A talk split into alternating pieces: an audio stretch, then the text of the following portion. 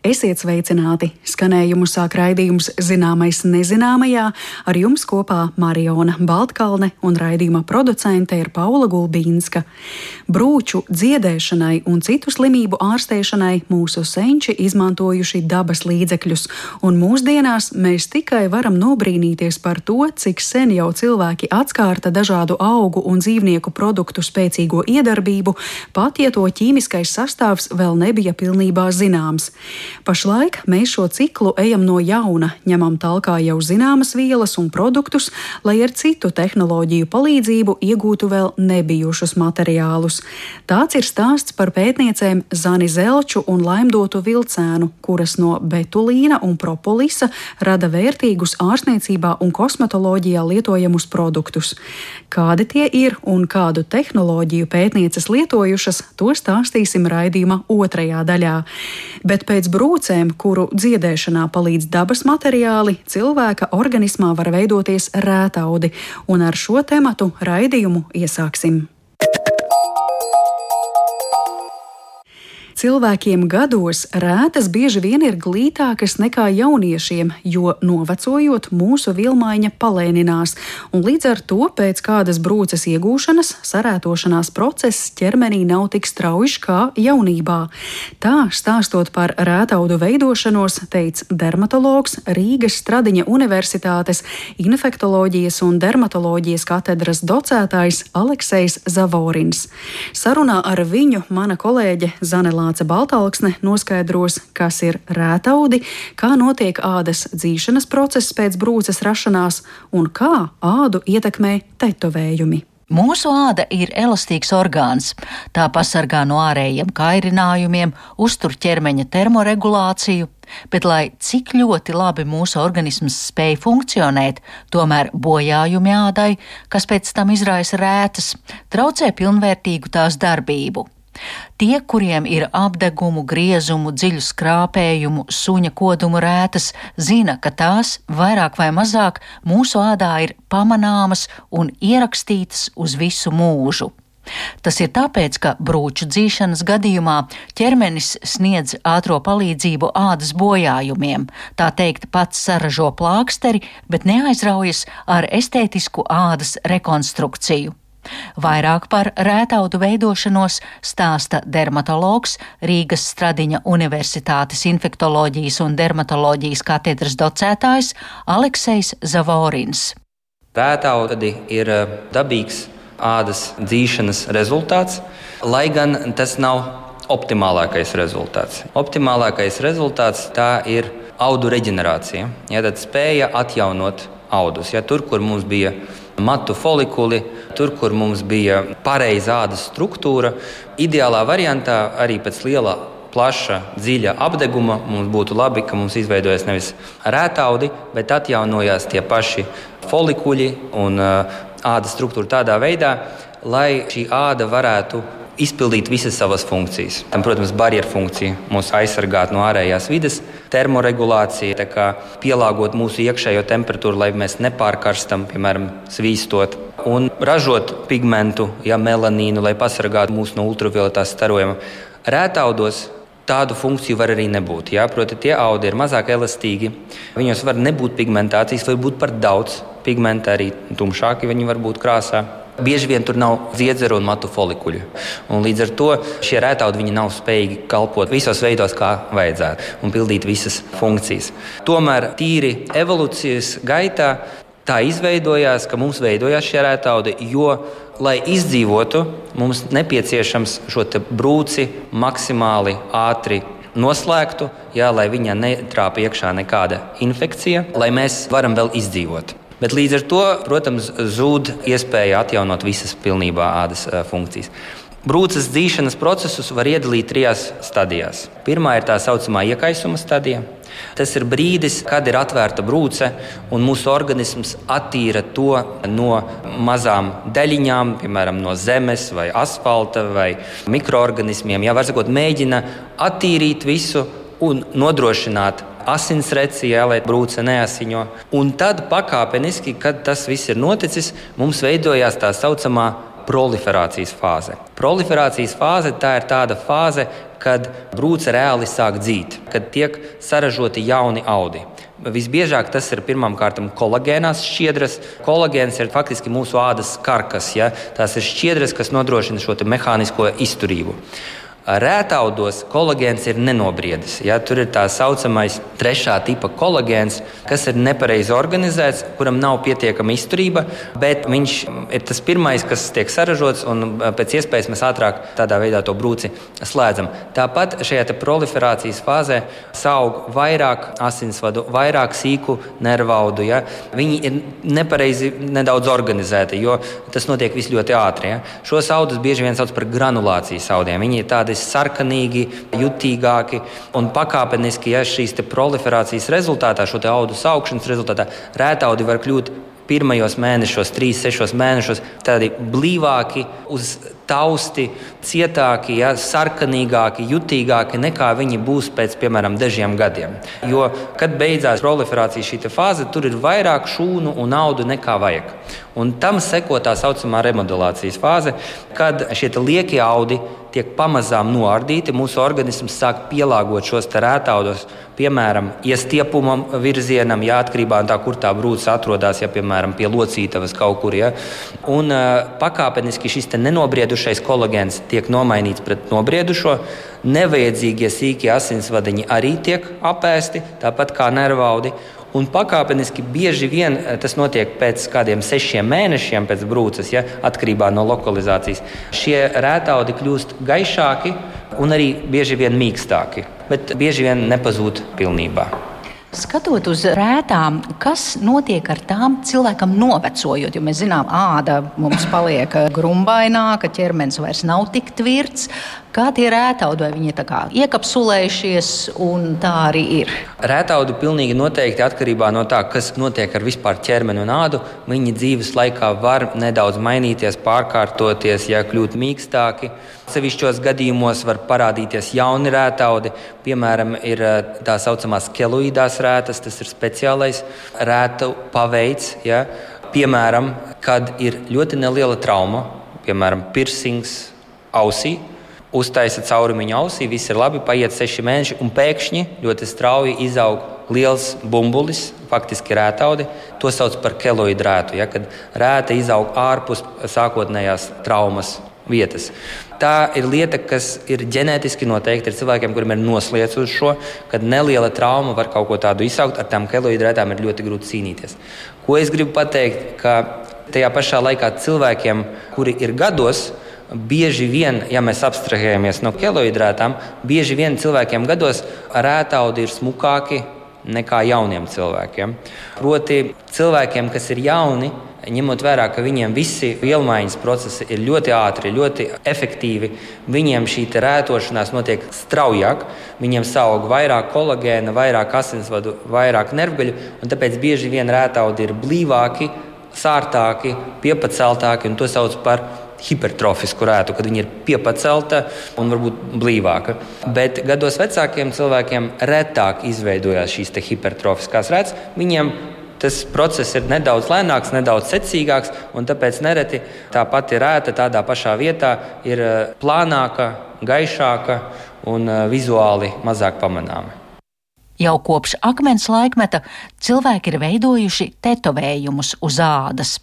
Šobrīd, neiztirzājot iemeslus, kādu nolūku dēļ tas tika darīts un to dara joprojām, palūkosim, kā āda uzvedas zem tetovējuma un kas notiek, ja cilvēks dzīves gaitā ir izlēmis atbrīvoties no reiz iegūtā šī ādas rotājuma. Es pēc savas dabas, neskatoties to, ka uzskatu pagaidām vēl esmu salīdzinoši jauns cilvēks, esmu sirdī diezgan konservatīvs. Man pašam tetovējuma nav. Tajā pašā laikā, ņemot vērā, ka es nodarbojos ar to, kā ar lāzeri ņemu nost tetovējumus, tad eh, es esmu kļuvis eh, mazāk kategoriskāks. Es saprotu cilvēku motivāciju, kāpēc viņu veido, un katram cilvēkam tā var būt sava, gan estētiska, gan simboliska un tā tālāk. Līdz ar to es nekādā ziņā neesmu pret tetovējumiem. Tajā pašā laikā, protams, ir noteikti eh, riski. Pirmkārt, jāsaprot, ka, kad mēs taisām tetovējumu, mēs zem ādas ievedam svešķermeni. Pie tam bieži vien nezināmas izcelsmes. Jā, pirms pāris gadiem mums bija vētra par to, ka neviens nezina, kas ir vakcīnu sastāvā. Tomēr nevienu īpaši nesatrauc, kas tad ir tetovējuma tintas sastāvā. Ja? Un ticiet man, tās vakcīnas bija neskatoties uz to, ka tur ir daudz ko pateikt, un daudz kas ir strīdīgs. Tajā pašā laikā vakcīnas ir vairāk pētītas nekā tetovējuma tinte. Var sakot, mēs nekad nevaram zināt, no kurienes ir tā tinte. Protams, jāizvēlās labāk to, kas ir labā salonā ar Eiropas standartu un marķējumu. Un, un, un tā, tā mēs mazāk riskējam. Tajā pašā laikā mēs nekad nezinām, kā mūsu organisms uz šo svešu ķermeni rēģēs. Jo ir gadījumi, ja, kad izveidojās iekaisuma reakcija uz pašu tinti, var izveidoties tā saucamās granulomas. Granuloma ir faktiski mūsu organisma veids, kā norobežot sevi no kaut kā, ko tas nespēja izvest ārā. Tie tintas gabaliņi bieži vien ir pietiekami lieli, lai mūsu imūnās sistēmas šūnas nevarētu to sapēst. Un, ja viņi nevar viņu apēst, viņi pasaka, nu, labi, es nevaru to apēst, es nezinu, kas tas ir. Labāk es no viņa norobežošos, un organisms veido tādu blīvu valnīti, ko sauc par granulomu. Faktiski tādu tā kā sieniņu, kas norobežo. Līdz ar to mēdz būt tāda reakcija, tad tas tetovējums ir īpaši piepacelts, blīvāks. Protams, tas nenotiek visiem, bet tāds risks pastāv. Rētaudi kā tādi arī var izveidoties tetovēšanas procesā, jo, protams, Tetovēšana ir faktiski mēs redzam sīkas, bet tomēr brūces. Teikšu tā, ja tetovējums ir veikts kvalitatīvi, ar labu tehniku, ar asu adatiņu, nelielu izmēru adatiņu, tad risks uz rētaudiem nav tik liels. Tomēr, ja adata ir trula, ja, ja tā tehnika, kādā veidā šo tetovējumu veido, ir traumatiska, tad, protams, var satraumēt ādu vairāk, un tetovējumos var rasties arī rētas. Bet es atkal teikšu, tas nenozīmē, ka tas notiek visur, visiem un vienmēr. Tur ir gan cilvēka individuālās īpatnības, gan iespējams tehnika, kā tas tetovējums tiek taisīts. Medicīnas zinātnē nepārtraukti attīstoties, šobrīd rētas var uzlabot, padarīt tās mīkstākas un mazāk pamanāmas ar lāzerslīpēšanu vai speciālām ziedēm un plāksteriem. Bet, kā teica dermatologs Aleksis Zavorins, tad pagaidām vēl nav iespējams pilnībā izdzēst rētu. Nobeigumā dermatologa skaidrojums, kā mūsdienās notiek rētu samazināšana ar minētajiem līdzekļiem. Faktiski ar lāzeri mēs uztaisām rētaudos daudz mazas jaunas brūcītes, kas bišķiņi pareizāk dzīst, un līdz ar to šie audi pēc lāzera procedūras ir pareizāki. Organizētāki un labāki nekā bija pirms tam. Ziedēm, plāksteriem un tā tālāk. Visvairāk pierādījumu ir piemēram par silikona saturošiem gēliem un plāksteriem, kurus uh, šajā proliferācijas un remodelācijas fāzē var uzklāt un līmēt ikdienā uz rētaudiem. Tas pātrina šo remodelācijas procesu, pātrina rētaudu un brūces nobriešanu. Teiksim tā, rētaudi ātrāk kļūst mīkstāki, gaišāki. Bet, protams, svarīgi arī, lai šī dzīšana notiek pareizi pašā sākumā. Īpaši, ja mēs runājam par plašām brūcēm, piemēram, pēc apdegumiem. Ja?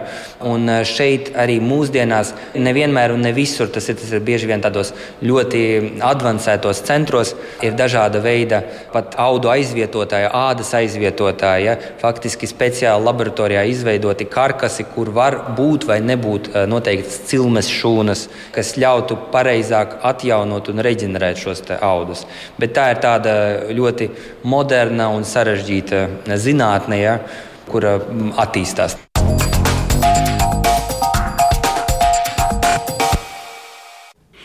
Tas bija Zanes Lāces Baltāksnes veidotais sižets par rētaudiem un ādas dzīšanas procesu, un materiālā dzirdējāt dermatologa Alekseja Zaborina skaidrojumu. Bet dodamies tālāk, un raidījuma turpinājumā atklāsim, ar ko vērtīgs betulīns un propolis, un kādus jaunus materiālus no tiem pašlaik rada pētnieki. Betulīns jau visai sen pazīstama viela ar dezinficējošām īpašībām, un propolis arī labi zināms zināms produkts, kas iestājoties rudenim un tuvojoties ziemai, būs aizvien aktuālāks savu antibakteriālo īpašību dēļ. Neskatoties uz savu senumu, arī mūsdienās zinātniekiem izdodas gūt jaunas atziņas par to, kā šīs vielas un produktus izmantot. Turklāt, kā to darīt ar jauniem un pēc iespējas efektīvākiem paņēmieniem. Saistībā ar betulīnu un propolisu to dara arī Latvijas zinātnieki, kurus šoreiz esam nolēmuši izlēmuši izvaicāt plašāk. Tāpēc studijā sveicu Rīgas Tehniskās Universitātes materiāla zinātnes un lietišķās ķīmijas fakultātes dizaina tehnoloģiju institūta vadošo pētnieci Zani Zelču. Labdien! Labdien! Un šī paša institūta doktoranti, zinātnisko asistenti Laimdotu Vilcēnu. Labdien! Labdien! Jūsu abu darbībā parādās tiešām tādi pazīstami nosaukumi. Cilvēki noteikti šos produktus ir lietojuši un izmēģinājuši, bet eh, jūs to visu liekat lietā, savienojat ar jaunām tehnoloģijām un top kaut kas iespējams nebijis. Un tad gribētu sākt eh, laimdot ar jums, ar betulīnu. Tad jāatklāj vispirms, kur tas dabā ir sastopams, kas mums par to līdz šim ir bijis zināms. Jā, betulīns mums īstenībā dabā ir ļoti bieži sastopams. Tas ir bērza tās baltās daļas bioaktīvā viela, kas pasargā bērzu no dažādiem bojājumiem un atjauno bērzu šūnas. To iegūst finiera ražošanā kā blakus produktu, bet, protams, tas pasaulē jau ir arī atzīts plašos pētījumos, ka betulīnam ir šī šūna atjaunojošā īpašība, imunitāte uzlabojošās īpašības, kā arī antibakteriālās īpašības. Arī Latvijā notiek pētījumi saistībā ar betulīnu. Mums ir Latvijas finieris, kurš savā rūpnīcā jau ir uzsācis betulīna ražošanu. Mans izaicinājums doktorantūras ietvaros bija šo unikālo, jeb tādu dabas antibakteriālo substanci integrēt nanošķiedrās. Tas ir izdevies, un uh, tagad mēs ejam tālāk savos pētījumos. Tātad šo plašpazīstamo vielu modificēt un optimizēt, lai šī iedarbība būtu daudz efektīvāka nekā tas būtu tradicionālā veidā.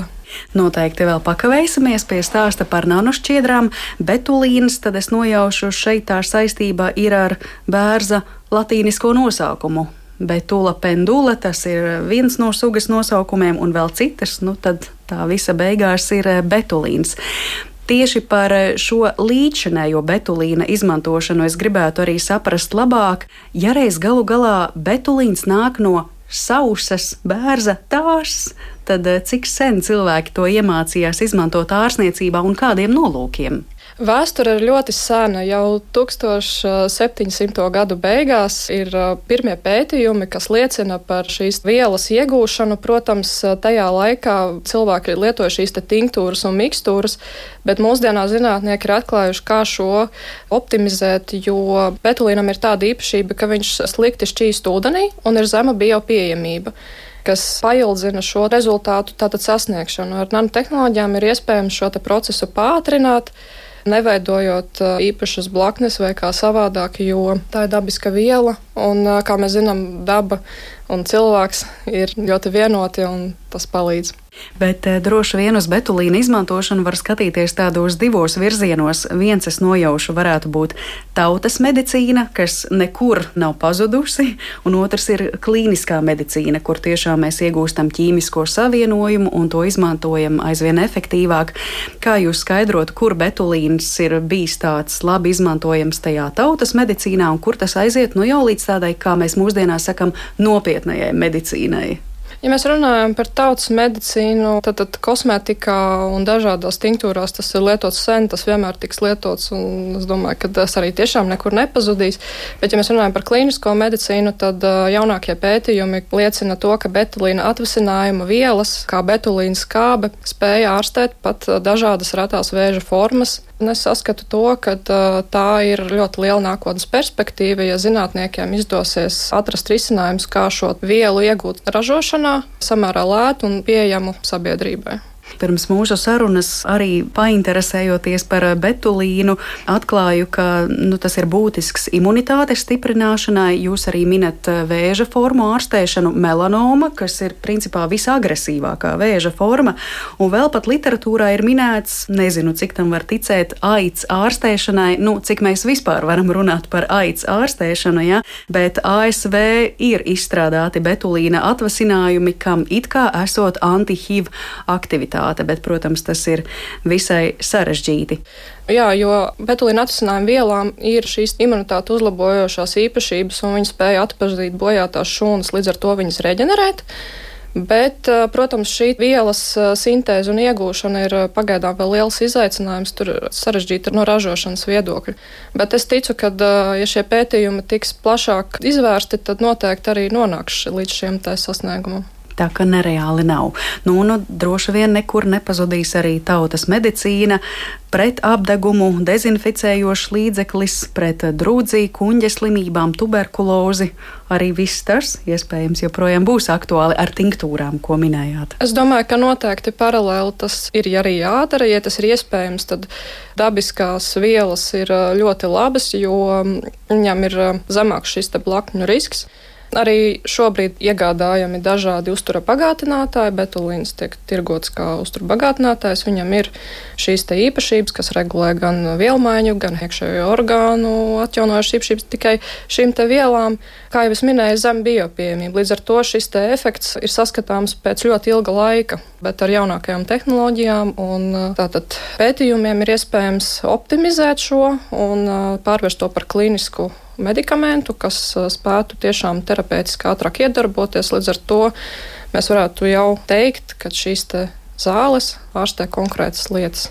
Laimdota, tas nav varbūt centrālais jūsu pētniecības jautājums, jo jūs izmantojat citas tehnoloģijas un jums ir cits mērķis, bet es visu laiku domāju, nu kā senatnē tajā pašā 18. gadsimtā, kad par betulīnu kaut ko uzzināja, kā no tās sausās bērza tārs, tagad bija iespējams kaut ko dabūt ārā, tur kaut ko šķīdināja, miecēja. Tas Jā, kaut kur sasaucas ar jūsu pašreizējo darbu. Tas sasaucas arī ar mūsdienām, jo kā es esmu lasījusi, ka gan vēsturē šo betlīnu iegūta ekstraģējot, tā kā jūs minējāt, miecējot, vārot, vaicājot, tā arī mūsdienās līdzīgi procesi tikai tiek pielietotas daudz jaudīgākas un spēcīgākas iekārtas, daudz iespējas arī attīrīt šo vielu ir daudz augstāks, kā tas bija senatnē. Līdz ar to mēs iegūstam daudz augstvērtīgāku šo vielas saturu, jo visa pamatā ir tas, ka betulīns ir procentuāli attīrītāks. Ja vēsturē tas vairāk bija kā bērza ekstrakts, kam ir piemaisījumi, tad mūsdienās ir iespējas iegūt gandrīz pilnībā attīrītu vielu. Līdz pat 98%, kas skaitās kā medicīniska viela pēc standartizācijas. Par betulīnu tikām skaidrībā ķersimies klāt propolisam. Zane tagad vēršu savu skatu jūsu virzienā, tad nu propolis šis, jā, teikšu atkal tik daudzkārt dzirdētais vārds, noteikti daudziem arī ikdienā kaut kādā veidā lietotais, bet ja mums tā vienkārši jāskaidro, kas ir propolis, kā jūs teiktu? Propolis tas ir medus bišu galvenais ierocis, kā cīnīties pret dažādiem mikroorganismiem. Jo vēsturiski nu, šis vārds propolis nāk jau no senās Grieķijas, tātad pro tas ir aizsargāt un polis tā ir pilsēta. Tātad bites sargā savu māju, savu pilsētu, savu līgzdu, lai tur neiekļūtu iebrucēji. Un, um, nu, šobrīd rudenī bites gatavojas ziemai, un līgzda viss strops ir kārtīgi aizlīmēts ar propolisu, kas ir nu, tāda līmveida, ļoti ķepīga, lipīga viela. Parasti mums Latvijā tumši brūna, Brazīlijā varētu būt arī zaļgana vai pat sarkanīga. Un visas spraugas, kur ir caurvējš, kur varētu iekļūt kāds nelabvēlīgs viesis, tiek kārtīgi aizlipināts ar bišu vasku vai propolisu.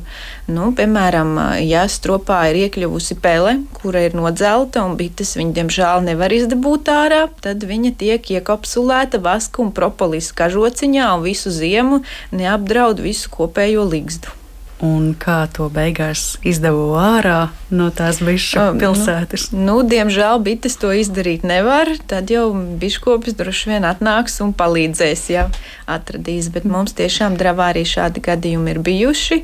Jā, tur ir liela nozīme tieši šiem te propolisa labajām īpašībām, kas cīnās pret visa veida mikroorganismiem, baktērijām, vīrusiem, rauga sēnītēm. Visi iespējamā, ko mēs varam iedomāties, kas apdraud apdraud bites. Tas viss tiek lietots, lai pasargātu. Jā, šis propolis tad tiek ievākts no dažādu augu izsvīdumiem. Lielākā daļa sastāva ir um, dažādi šie sveķi. Vēl propolisā ir apmēram 30% arī vaska lai veidot šo kopējo masu. Vēl tur ir etriskās eļļas, dažādas smaržīgas eļļas, nu, arī putekšņi, kādi 5% parasti vidēji tur ir. Tā kā šis sastāvs ir ļoti komplekss, tas nav tāds uh, viendabīgs veidojums, izēvielu, un uh, arī šī atšķirība sastāvā var būt diezgan liela atkarībā no tā, kas zied šobrīd, uh, kādā geogrāfiskajā vietā mēs atrodamies, un arī, protams, paša bišu šķirne ietekmē to, kāds tad galu rezultātā šis propolis tiek ievākts. Un tālāk jau mēs to varam izmantot savā labā, jo pretmikrobu iedarbība arī mums medicīnā, gan tautas, gan arī tādā nopietnākā jau pārbaudītā tiek izmantota tāda ķepīga viela, varētu teikt, līme, bet tā nāk no bišu iekšējā organisma. Bites to izdala un tad salīmē, ko un kur vajag.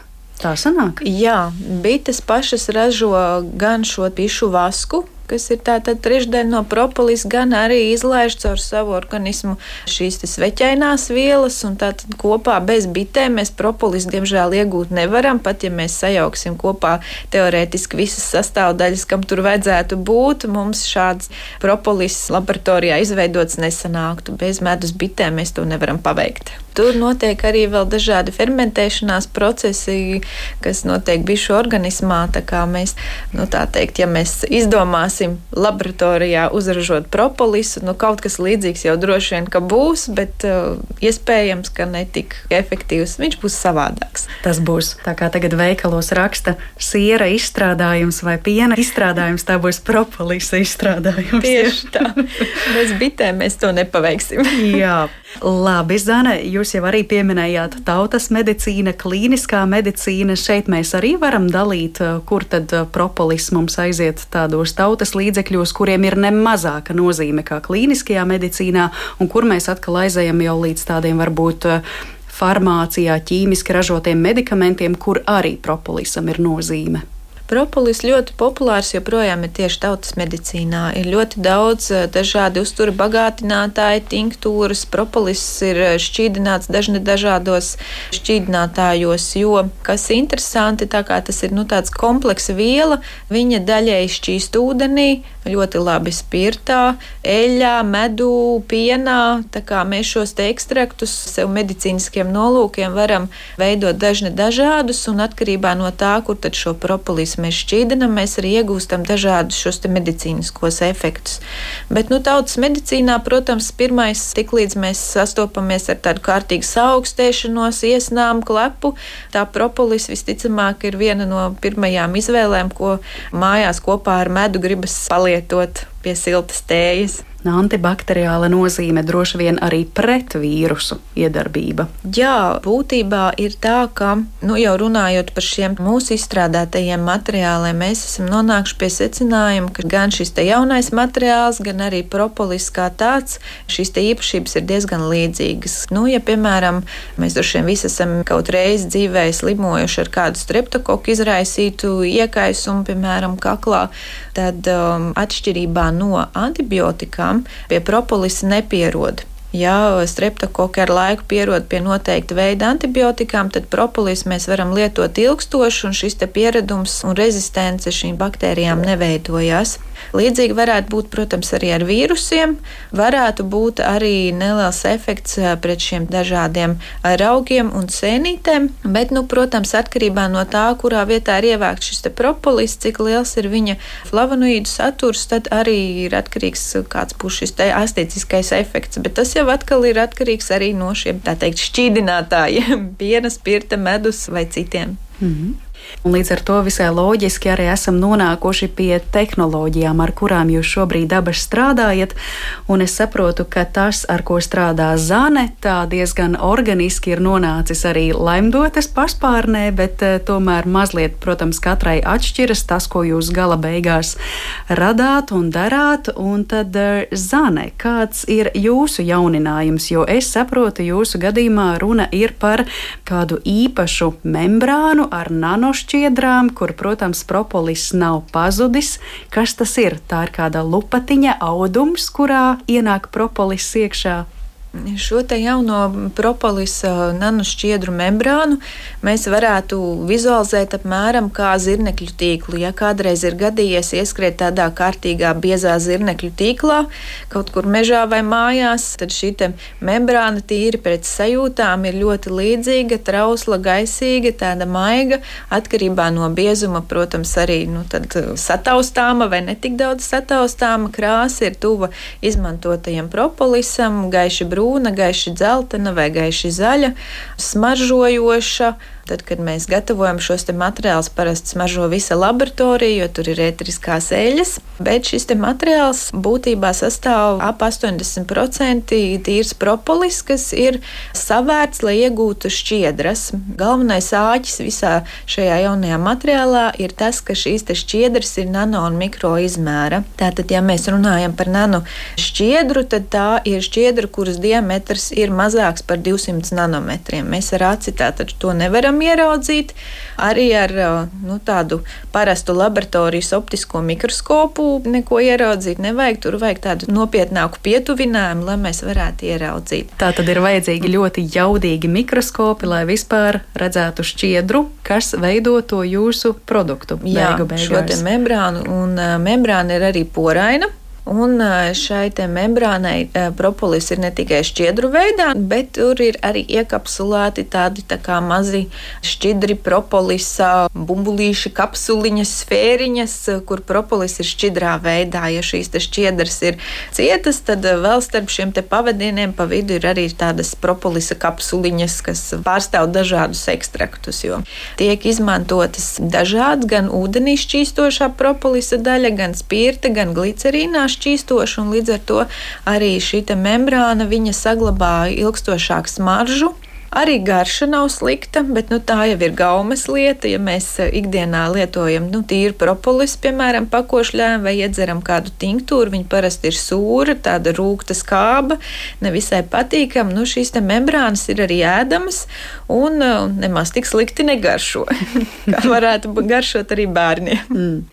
Jā, es lasu Rīgas Tehniskās Universitātes tīmekļa vietnē, ka nanošķiedru membrānu tā ir austa īpašā elektrovērtība vērpšanas iekārtā, ko zinātnieki mīlīgi sauc par nanozirneklīti. Tā ir tā vērpšanas iekārta, bet beigu beigās tad eh, tas produkts, ko jūs iegūstat, jūs to tā arī saucat - membrāniņa vai varbūt auduma gabaliņš, vai mēs varētu to pielīdzināt papīra lapas izmēram, kā tas dzīvē izpaužas, cik tas ir liels. Atkarībā no tā, cik liels tas ir nepieciešams. Ja mēs šo membrānu plānojam likt uz ādas, uz kādas brūces, mēs varam savērpt tik lielu membrānas gabaliņu. Nu, jā, tas varētu būt nu, tā simboliska papīra izmērā savērts paraugs, kuru tad ar, mēs varam piegriezt un uzlikt uh, uz attiecīgās brūces vajadzīgajā lielumā. Ja tas ir plānots likt uz gļotādas, piemēram, uz aftos stomatīta, nu, tad tas būs tāds ļoti mazs plāns gabaliņš, kurš pielips pie augstlajām mutē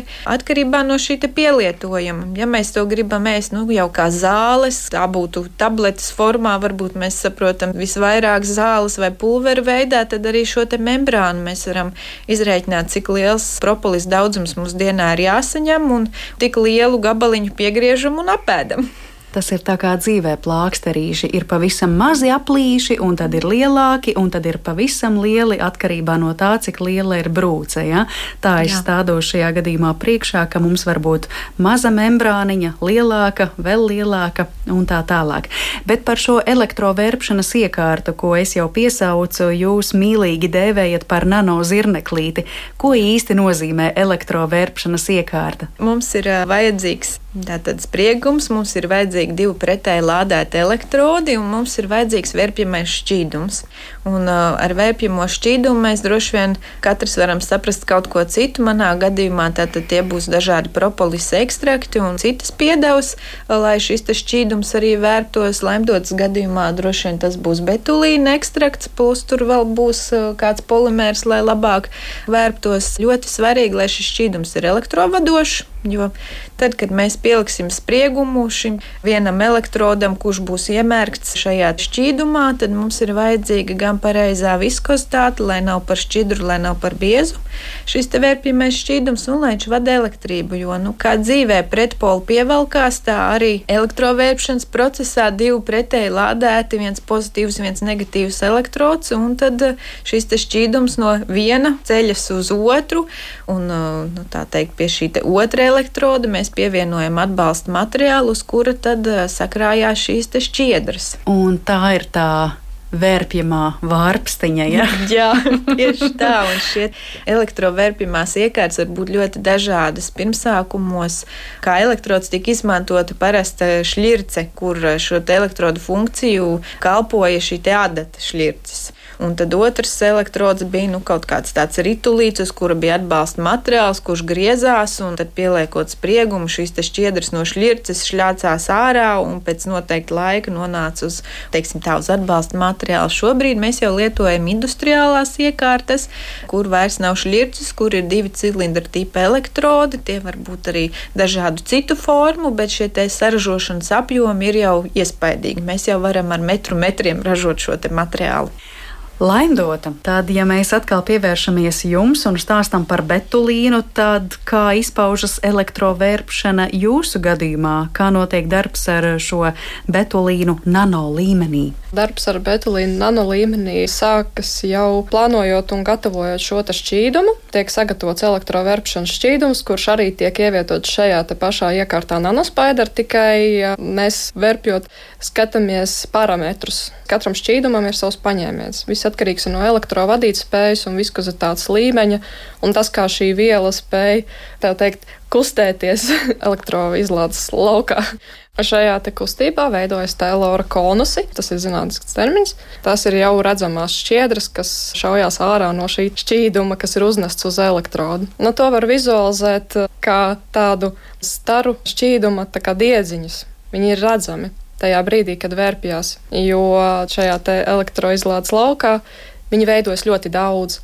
Un jo šķīdums ir elektrovadošāks, jo vairāk šīs šķiedras veidojās. Un ļoti interesanti ir pēc tam skatīt, kas ir sanācis, jo arī manā gadījumā ir tā, ka ir novērots, kad ir betulīna kristāliņi iekapsulēti šajās šķiedrās, kā arī ir betulīna daļiņas, kas ir nanoizmērā un pat ir ļoti grūti saskatāms, kas ļoti viegli integrējas iekšā polimēra šķiedrā.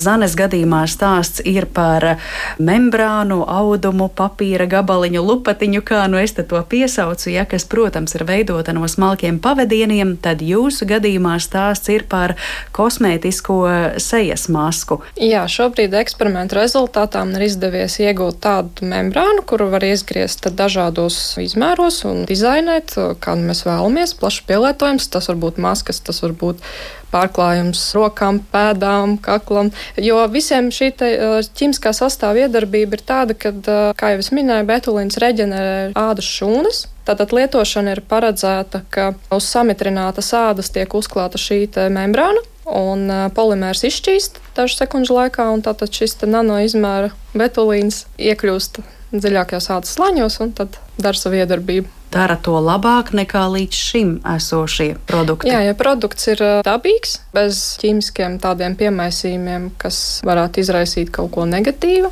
līdz ar to zinot betulīna īpašības, ir pamats apgalvot, ka šīs maskas ir liela perspektīva kosmētikas nozarē. Jā, nu mēs visi ikdienā sapņojam par pēc iespējas jaudīgākiem un labākiem kosmētikas līdzekļiem, labākiem krēmiem, kuri pēc iespējas labāk sasūktos ādā. Tad šeit es jūtu būtu, ja mēs uzliekam uz sejas tādu kosmētisko sejas masku, piesūcinātu ar betulīnu, tad eh, tā cerība ir, ka tas pēc iespējas dziļāk un vairāk un pilnīgāk iesūksies sejas ādā. Jā, tieši tā. Viņš gan iesūcās, gan arī veicina to savu iedarbību no teikt, iekšienes. Mm -hmm. Zane. Vēl gribēju papildināt, kāpēc tieši šīs nanošķiedras, kāpēc tas ir tik ļoti labāk nekā, piemēram, sejas krēms. Jo, ja mēs vizualizējam, katrai šai nanošķiedrai ir savs virsmas laukums, membrānā tās tur ir miljoniem. Tātad tajā brīdī, kad ar ādu saskarās šis milzīgais virsmas laukums, tad šī aktīvā viela, vai tas būtu betulīts vai propolis, daudz efektīvāk efektīvāk tiek nogādāts šūnās. Jo krēms, piemēram, ja satur betulīnu, mēs nevaram garantēt, ka, piemēram, šīs aktīvās vielas, ka viņas tur nav aglomerējušās, ka viņas nav salipušas, bet ar šiem šķiedru membrānām mēs varam garantēt, ka aktīvā viela nonāks nu, teiksim, tā, tādu nanodaļiņu vai nu, tādu ļoti mazu veidojumu formā, kas nebūs aglomerējušies, kas nebūs salipuši. Līdz ar to šai ādai būs vieglāk uzsūkt un biopieejamība būs labāka. Un šajā gadījumā mēs runājam par ārēji lietojamu līdzekli, vai pastāvētu iespēja radīt arī betulīna, kādus citus preparātus, tabletes varbūt, ko pat var iekšķīgi uzņemt. Jā, man nākotnes perspektīva ir attīstīt. No, pirmais, ko šobrīd strādājot, šīs kosmētiskās pielietošanas tātad mērķis, bet uh, es plānoju turpināt savus pētījumus un uh, skatīties šo tēmu jau medicīniskā virzienā, kam ir nepieciešama plašāka pētījuma, protams, ilgtermiņā. Un man ļoti iedvesmoja Zanes postdoc projekts. Es kā, saskatu, kā šī tēma var attīstīties. Līdz ar to noslēdzot šo pirmo posmu, esmu diezgan motivēta un pozitīvi skatos arī nākotnē. Jā, Un eh, Zane par eh, propolisu vēl atgriežamies. Ja pie propolisa, tad mēs pirmīt jau pieminējām tādu vārdu kā plāksteris, ka varbūt šis audums vai tā lupatiņa vai papīrītis var būt eh, tik liels, cik mums ir nepieciešams. Tieši tāpat kā dzīvē mums plāksterīši ir dažāda izmēra, tad kur ir vislabākais pielietojums, kur jūs to saredzat, kādiem nolūkiem? Tiešām, ja ir kādas ārējas brūces vai varbūt iekšķīgas brūces. Šīs membrānas mēs varam izmantot kā medicīnas ierīces daļas. Teiksim tā, nu, ko mēs varam saprast ar medicīnas ierīci, tas varētu būt arī vienkāršākā formātā leikoplasts, tikpat labi tā varētu būt membrāna arī kādam citam izstrādājumam, piemēram, stomatoloģijā.